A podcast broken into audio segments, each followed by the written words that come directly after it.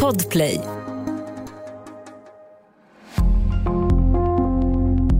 Välkommen till True Crime-podden Sommar. Det här är en podd för dig som älskar true crime. Och för att göra det enklare för dig att få den mest spännande true crime-lyssningen har vi samlat de bästa avsnitten och poddarna från Podplays katalog. Vi hoppas att du ska få en riktigt bra och rafflande sommarlyssning och förhoppningsvis också hitta en ny favoritpodd hos oss på Podplay. Jag heter Hasse Aro och jag kommer att vara din guide hela sommaren. Tack för att du lyssnar.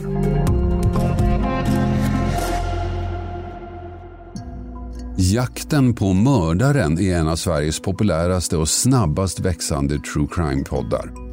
Tillsammans med journalisten Saga Springhorn får du åka tillbaka till tiden då händelsen inträffade och följa med under utredningens gång. Gabby Petito, influencern som försvann. I det här avsnittet följer vi den 22-åriga Gabby och hennes fästman Brian som är ute på roadtrip genom Amerika. De besöker nya platser och under tiden uppdaterar Gabby sina sociala medier. Hon har en stor följarskara och drömmer om att en dag kunna livnära sig på sina sociala medier. Men den 2 juli 2021 slutar plötsligt Gabby att uppdatera. Följare, vänner och familj blir oroliga. Har något hänt med paret? Varför slutar de plötsligt att posta inlägg och varför kan ingen nå dem?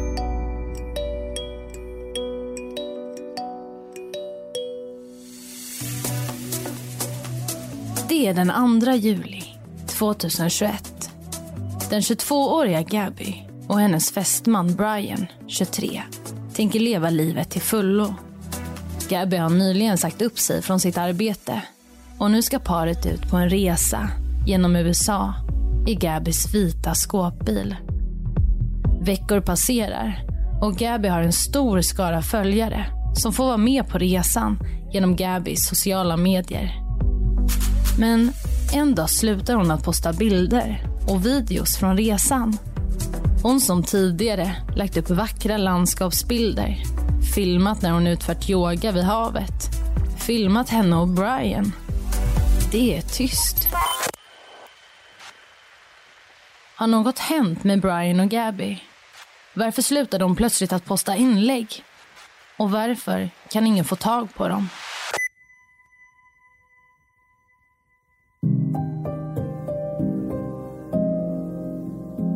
Du lyssnar på Jakten på mördaren med mig, Saga Springhorn. Den här säsongen är baserad på fall som ni lyssnare har tipsat om. Jag vill varna för grovt innehåll i dagens podcastavsnitt.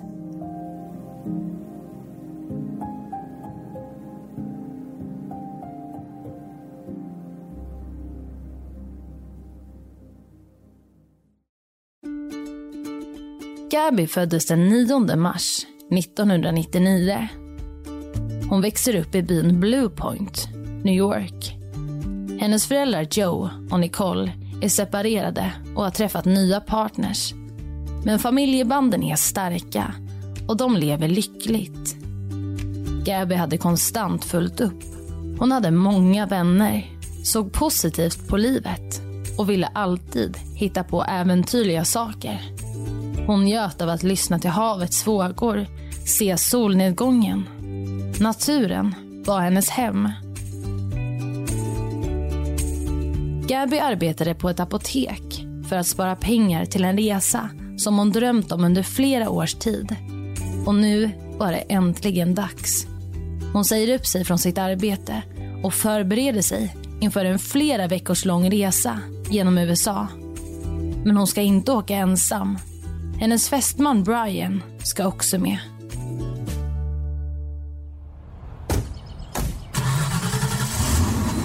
De hoppar in i Gabbys vita skåpbil och resan tar fart. Paret verkar leva som i en dröm. Gabby vill bli reseinfluencer och arbetar hårt för att få med alla lyckliga stunder på bild. Hennes skara av följare växer och det gör henne än mer inspirerad. Brian och Gabby stannar vid ett flertal sagolika platser. De övernattar, äter gott och känner sig fria. Det är precis så här Gabby vill leva. Brian var hennes soulmate. De hade träffat varandra i gymnasiet. Men det var först några år senare som de fattade tycke för varandra. De hade tagit upp kontakten och börjat dejta. Och år 2019 blev de ett par. Gabby flyttade in hos Brian och hans föräldrar i Florida. I juni år 2020 så förlovade sig paret. Gabbys familj tyckte om Brian. Han verkade vara en snäll, genuin och artig kille. Men saker är inte alltid som det ser ut. Och framförallt inte på sociala medier. Sanningen som senare skulle uppdagas var en enorm tragedi. Och där stannar vi upp. Brian och Gabby har påbörjat den här resan som framförallt Gabby drömt om så länge. De ska bo i hennes skåpbil, en bil som är inredd som ett litet hem. Och när jag ser bilder och videos på det här paret från resan så förknippar jag dem lite till en hippie-livsstil. Lite surflook och lite spirituellt. Gabis föräldrar har känt en viss oro för att hon ska resa iväg så länge och det tänker jag är ganska vanligt bland föräldrar att man känner en oro när ens barn ska ut och upptäcka världen. Det som dock får dem att känna sig lite mer trygga är att Brian är med. Och Gabbys föräldrar följer hela deras resa och äventyr via Gabis sociala medier. De får uppdateringar dagligen och Gabi pratar med dem var och varannan dag. Hon ser lycklig ut och hon uttrycker hur fri hon känner sig. Det är verkligen så hon vill leva. Men så en dag inkommer det ett samtal till polisen. Och jag tänker att vi fortsätter historien här. Gabby och Brian har nu varit ute på resande fot i sex veckor. Men så plötsligt får polisen ett samtal från ett par som sett Brian och Gabby. Vi lyssnar till samtalet. And we're driving by and I'd like to report a domestic dispute. Florida with the white van, Florida license plate, white land, gentleman Where's about it at? five, six beard. What'd you say? What were they doing? Uh, we drove by and the gentleman was slapping the girl. He was slapping her? Yes, and then we stopped. They ran up and down the sidewalk. He proceeded to hit her, hopped in the car, and they drove off. De har sett hur Brian slagit Gabby. Det såg ut som att han inte hade tänkt släppa in henne i bilen. Något var fel. Och polisen tar den här informationen på största allvar. Man skickar ut flera bilar som ska leta efter paret och den vita skåpbilen. Och mycket snart får man träff. Polisen ser en vit skåpbil körandes längs med en motorväg. Polisen kör upp in till skåpbilen. Brian och Gabby får parkera bilen vid sidan av vägen. Man ber Brian att stänga av motorn och lägga nycklarna på instrumentbrädan. Gabby gråter panikartat. Brian är lugn och sansad. Polisen skiljer på paret för att kunna samtala med var och en av dem utan varandras sällskap. Gabby säger att de har bråkat hela morgonen. Det är därför hon är så upprörd. Hon berättar att de är på en resa och att hon försöker skapa en plattform där människor ska kunna följa med på hennes äventyr. Till en början är Gabby mycket försiktig. Det verkar som att hon vill skydda Brian. Hon säger att han inte låtit henne gå in i bilen. Han hade sagt att hon först måste lugna ner sig. Och Gabby säger att hon hade varit lugn. Hon var bara ledsen. Polisen samtalar med paret i ungefär en timma. De ber Brian att visa upp sina händer och armar. Man kan se en liten skråma på hans högra arm och han säger att det nog är en nagel, Gabys nagel. Han har också en skråma i ansiktet. Gabby är svullen och röd i ansiktet och slutar inte att gråta. Hon har ett rött märke på armen och efter mycket om och men, när polisen pressar henne på sanningen, medger hon att Brian har slagit henne. Men hon säger att hon hade varit den som började. När hon väl börjat hade Brian sen slagit henne i ansiktet.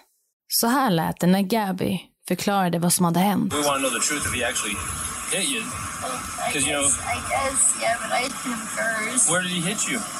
Don't, don't worry. Just be he honest. like grabs my face, like Slap your face or what? Well, like he like grabs me like with his nail, and I guess that's why it looks. I definitely have a cut right here, 'cause I can feel it Yeah. touch it. Vi hör Brian. She had herself on her hand. That's why I was pushing her away. Is because I. She, she wanted. To, I locked the keys so I could walk away. I, I said, let's just take a breather and let's not, you know, go anywhere. Let's just. Poliserna bär kroppskamera och ljudet tas upp via mikrofonen. Vi lyssnar till Gabby. Some days I, have really bad OCD, and I just I was just cleaning when he's straightening up the back of before, and I was apologizing to him and saying, "I'm sorry that I'm so mean because sometimes I have OCD and sometimes I just get really frustrated. I'm Not like mean towards him. I just like Gabby förklarar att hon har OCD ibland, tvångssyndrom. Hon hade städat och fixat i ordning. Hon hade bett Brian om ursäkt för att hon var så jobbig. Hon menade att hon kunde bli frustrerad när hon hade mycket tvångssyndrom. Does what happened here, a little slap fight between fiancés who love each other want to be together, can I perceive that this is going to digress into a situation where he's going to be a battered man? Right. But then again, I don't have a crystal ball. Det finns en oro från polisernas sida. De diskuterar med varandra i polisbilen utan sällskap av Brian eller Gabby. Man tänker sig att det varit fråga om ett litet kärleksspråk. Troligtvis var det inte den här typen av relation som senare skulle kunna leda till någons död. But this is what I do have to do. I am separating the two of you tonight. Okay? I want you guys both to be tonight away from each other, relax, breathe, crying, because there's no reason to be crying now, okay? This is. I understand that this can feel like it's a nightmare, but you're coming out as the golden flower on top of it. Polisen har nu gjort sitt. De säger till Gabby och Brian att de inte borde spendera natten tillsammans.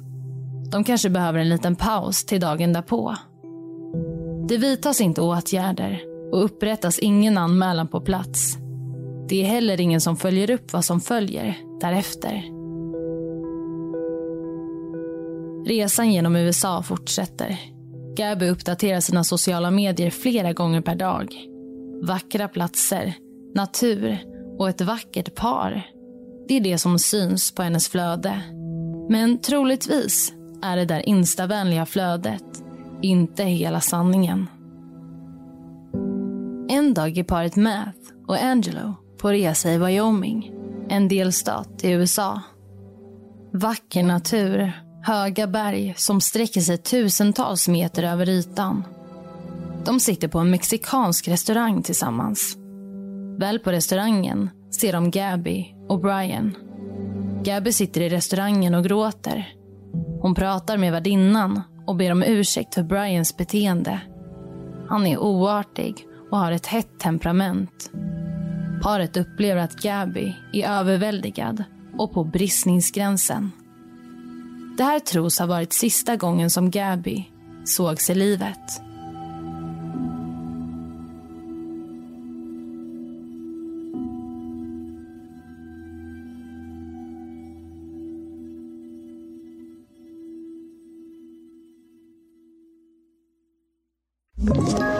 Ett poddtips från Podplay. I podden Något Kaiko garanterar östgötarna Brutti och jag, Davva, dig en stor dos skratt. Där följer jag pladask för köttätandet igen. Man är lite som en jävla vampyr. Man har fått lite blodsmak och då måste man ha mer. Udda spaningar, fängslande anekdoter och en och annan arg rant. Jag måste ha mitt kaffe på morgonen för annars är jag ingen trevlig människa. Då är du ingen trevlig människa, punkt. Något Kaiko, hör du på Podplay. Därför är gardinerna. Den 25 augusti publicerar Gabby ett inlägg på sin Instagram. Det är bilder på henne framför en väggmålning med fjärilar. Den 27 augusti får Nicole, Gabis mamma, ett sms från Gabis mobil. Gabi skriver Kan du hjälpa Stan? Jag får bara hans röstmeddelanden och missade samtal. Stan var Gabis farfar och hennes mamma hade aldrig tidigare varit med om att Gabi använde hans förnamn. Det var underligt. Den 30 augusti får Nicole ytterligare ett sms. Ingen service i Yosemite nationalpark. Det är nu början på september. Gabby har inte postat något på flera dagar. Hennes följare undrar om något har hänt. Gabbys mamma kan inte få tag på henne. Ytterligare någon dag går och varken Gabby eller Brian lägger upp något på sociala medier. Gabys mamma Nicole börjar bli desperat. Hon ringer runt till familjemedlemmar och frågar om de vet något. Ingen har hört något från Gabby. Men å andra sidan är hon på resande fot. Hon kanske är på en plats där det inte finns någon täckning. Kanske kunde det förklara saken. Nicole försöker få tag på Brian och Brians föräldrar utan framgång. Den 11 september anmäler man Gabby som försvunnen. Myndigheterna får nu i uppgift att hitta Gabby och Brian. Det visar sig att Brian är hos sina föräldrar i Florida. Han hade åkt hem. Brian hade varit hos sina föräldrar i två veckor. Dessutom hade Brian och hans familj tagit in en advokat. Gabbys föräldrar förstår ingenting. Om Brian nu var hemma, vad var då Gabby? Och varför hade inte Brian gett dem någon information eller svarat när de försökt komma i kontakt med honom?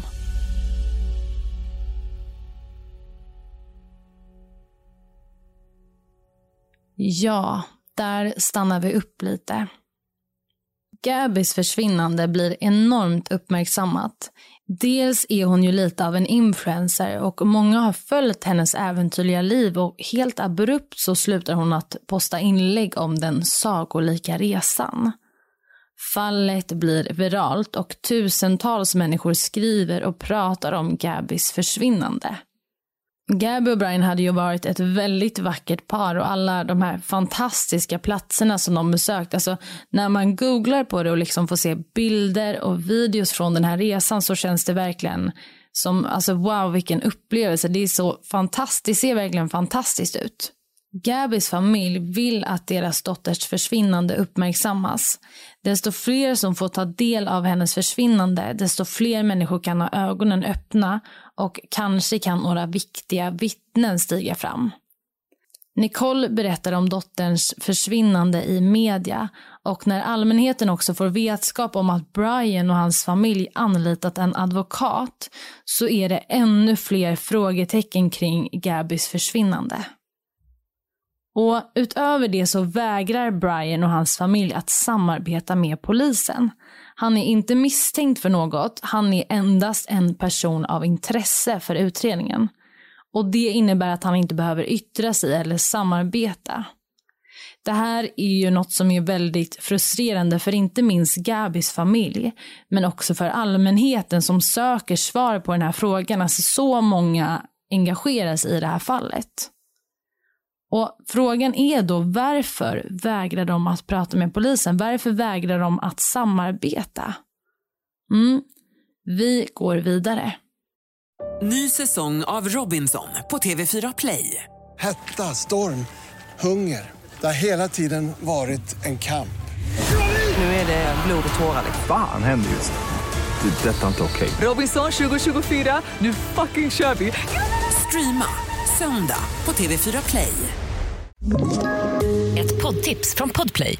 I podden Något Kaiko garanterar östgötarna Brutti och jag, Davva, dig en stor dos skratt. Där följer jag pladask för köttätandet igen. Man är lite som en jävla vampyr. Man har fått lite blodsmak och då måste man ha mer. Udda spaningar, fängslande anekdoter och en och annan arg rant. Jag måste ha mitt kaffe på morgonen för annars är jag ingen trevlig människa. Då är du ingen trevlig människa, punkt. Något Kaiko, hör du på Podplay. Därför är gardinerna. Dagar går. FBI kopplas in i fallet och i samarbete med federala, statliga och lokala tjänstemän så söker man febrilt efter Gabby. Den 17 september ringer plötsligt Brians föräldrar till polisen. Men samtalet rör inte fallet med Gabby utan nu handlar det om deras son, Brian. Han hade sagt att han skulle ut och vandra. Men han hade inte kommit tillbaka. Polisen får skarp kritik. Utredare hade riggat kameror vid Brian och hans föräldrars hem. Man hade sett att Brian lämnat hemmet den 13 september. Men man trodde att han hade återvänt den 15 september. Så när föräldrarna anmäler Brian som försvunnen kan inte polisen riktigt tro på det. Inte förrän de inser att de tagit fel. De hade förväxlat Brian och hans mamma. Brian hade alltså lämnat hemmet den 13 september. Och nu, den 17 september, var han fortfarande inte tillbaka. Brians föräldrar säger att han lämnat hemmet för att vandra. Två sökningar är nu igång. I Florida letar man efter Brian och i Grand Teton nationalpark söker man efter Gabby. Platsen är vacker. Höga berg, vildmark, en sagolik natur. Kyle och Jen sitter i sin skåpbil. De är ett par och kör i Grand Teton nationalpark. De är inspirerade av det fria livet, vill leva nära naturen precis som Gabby och Brian. De är ute på en resa för att upptäcka nya vackra platser. Och plötsligt ser de en vit skåpbil som står parkerad på en liten skogsväg inne i nationalparken på en sidoväg. De ser att det står Florida på registreringsskylten. Jen, som också är från Florida, bestämmer sig för att stanna vid skåpbilen. Kanske kan hon hälsa på någon. Men det är ingen där. Den är tom och den står placerat väldigt öde. Paret åker vidare. När Jens senare får nys om Gabis försvinnande via sociala medier så börjar hon fundera.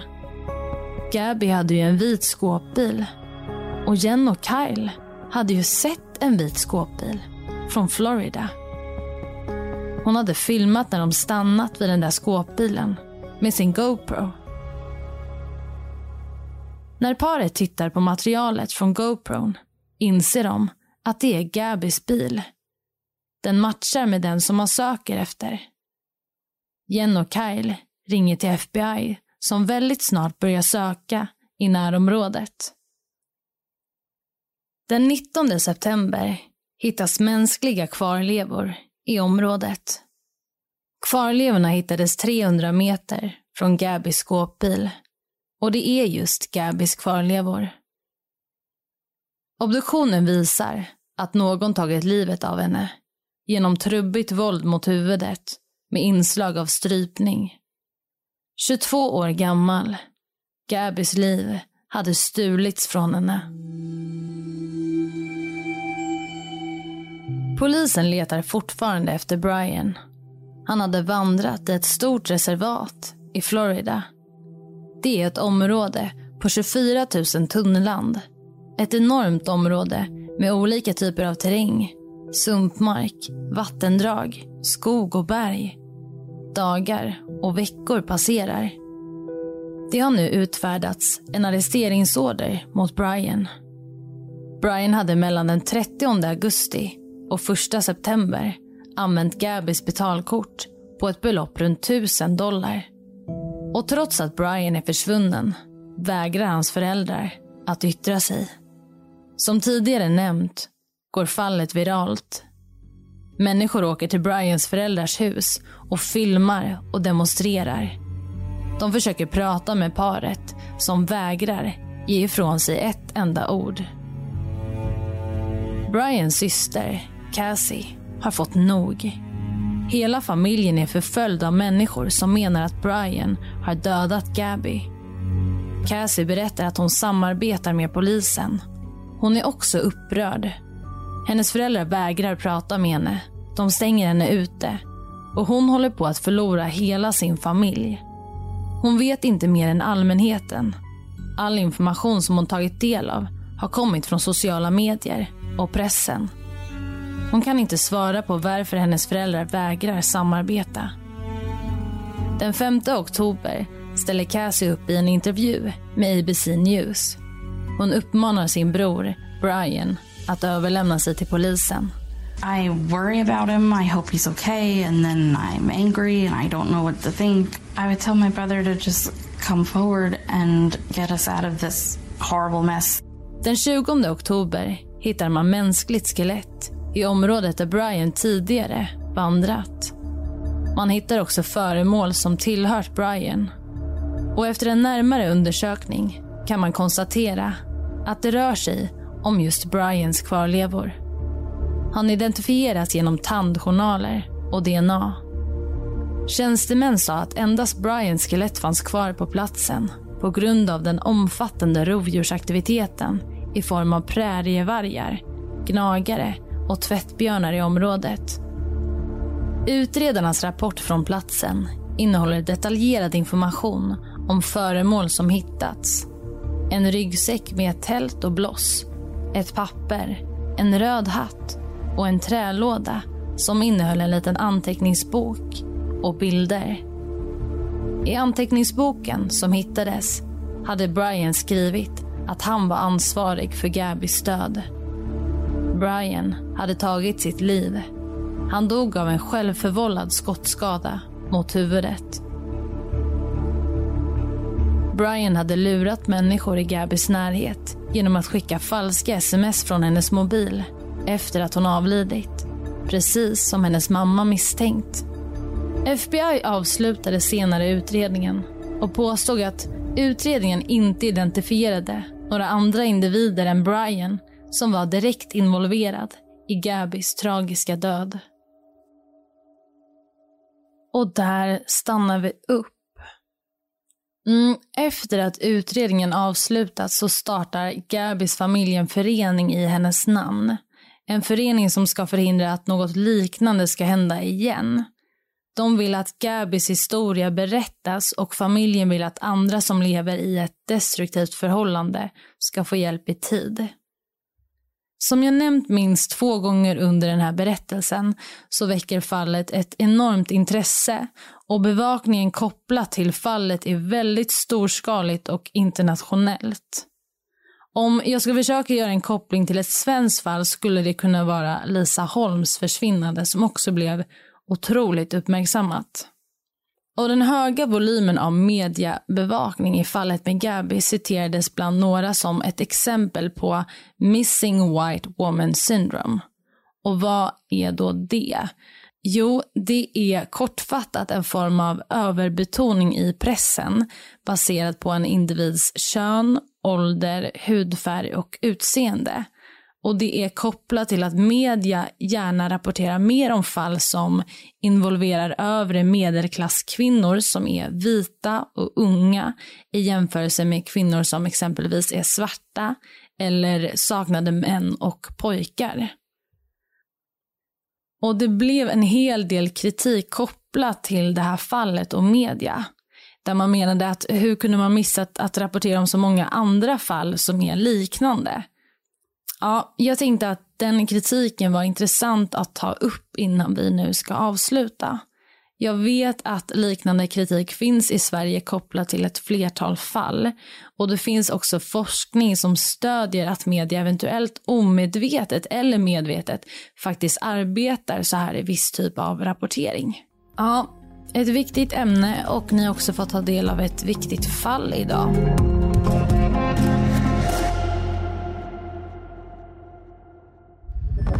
Podplay, en del av Power Media.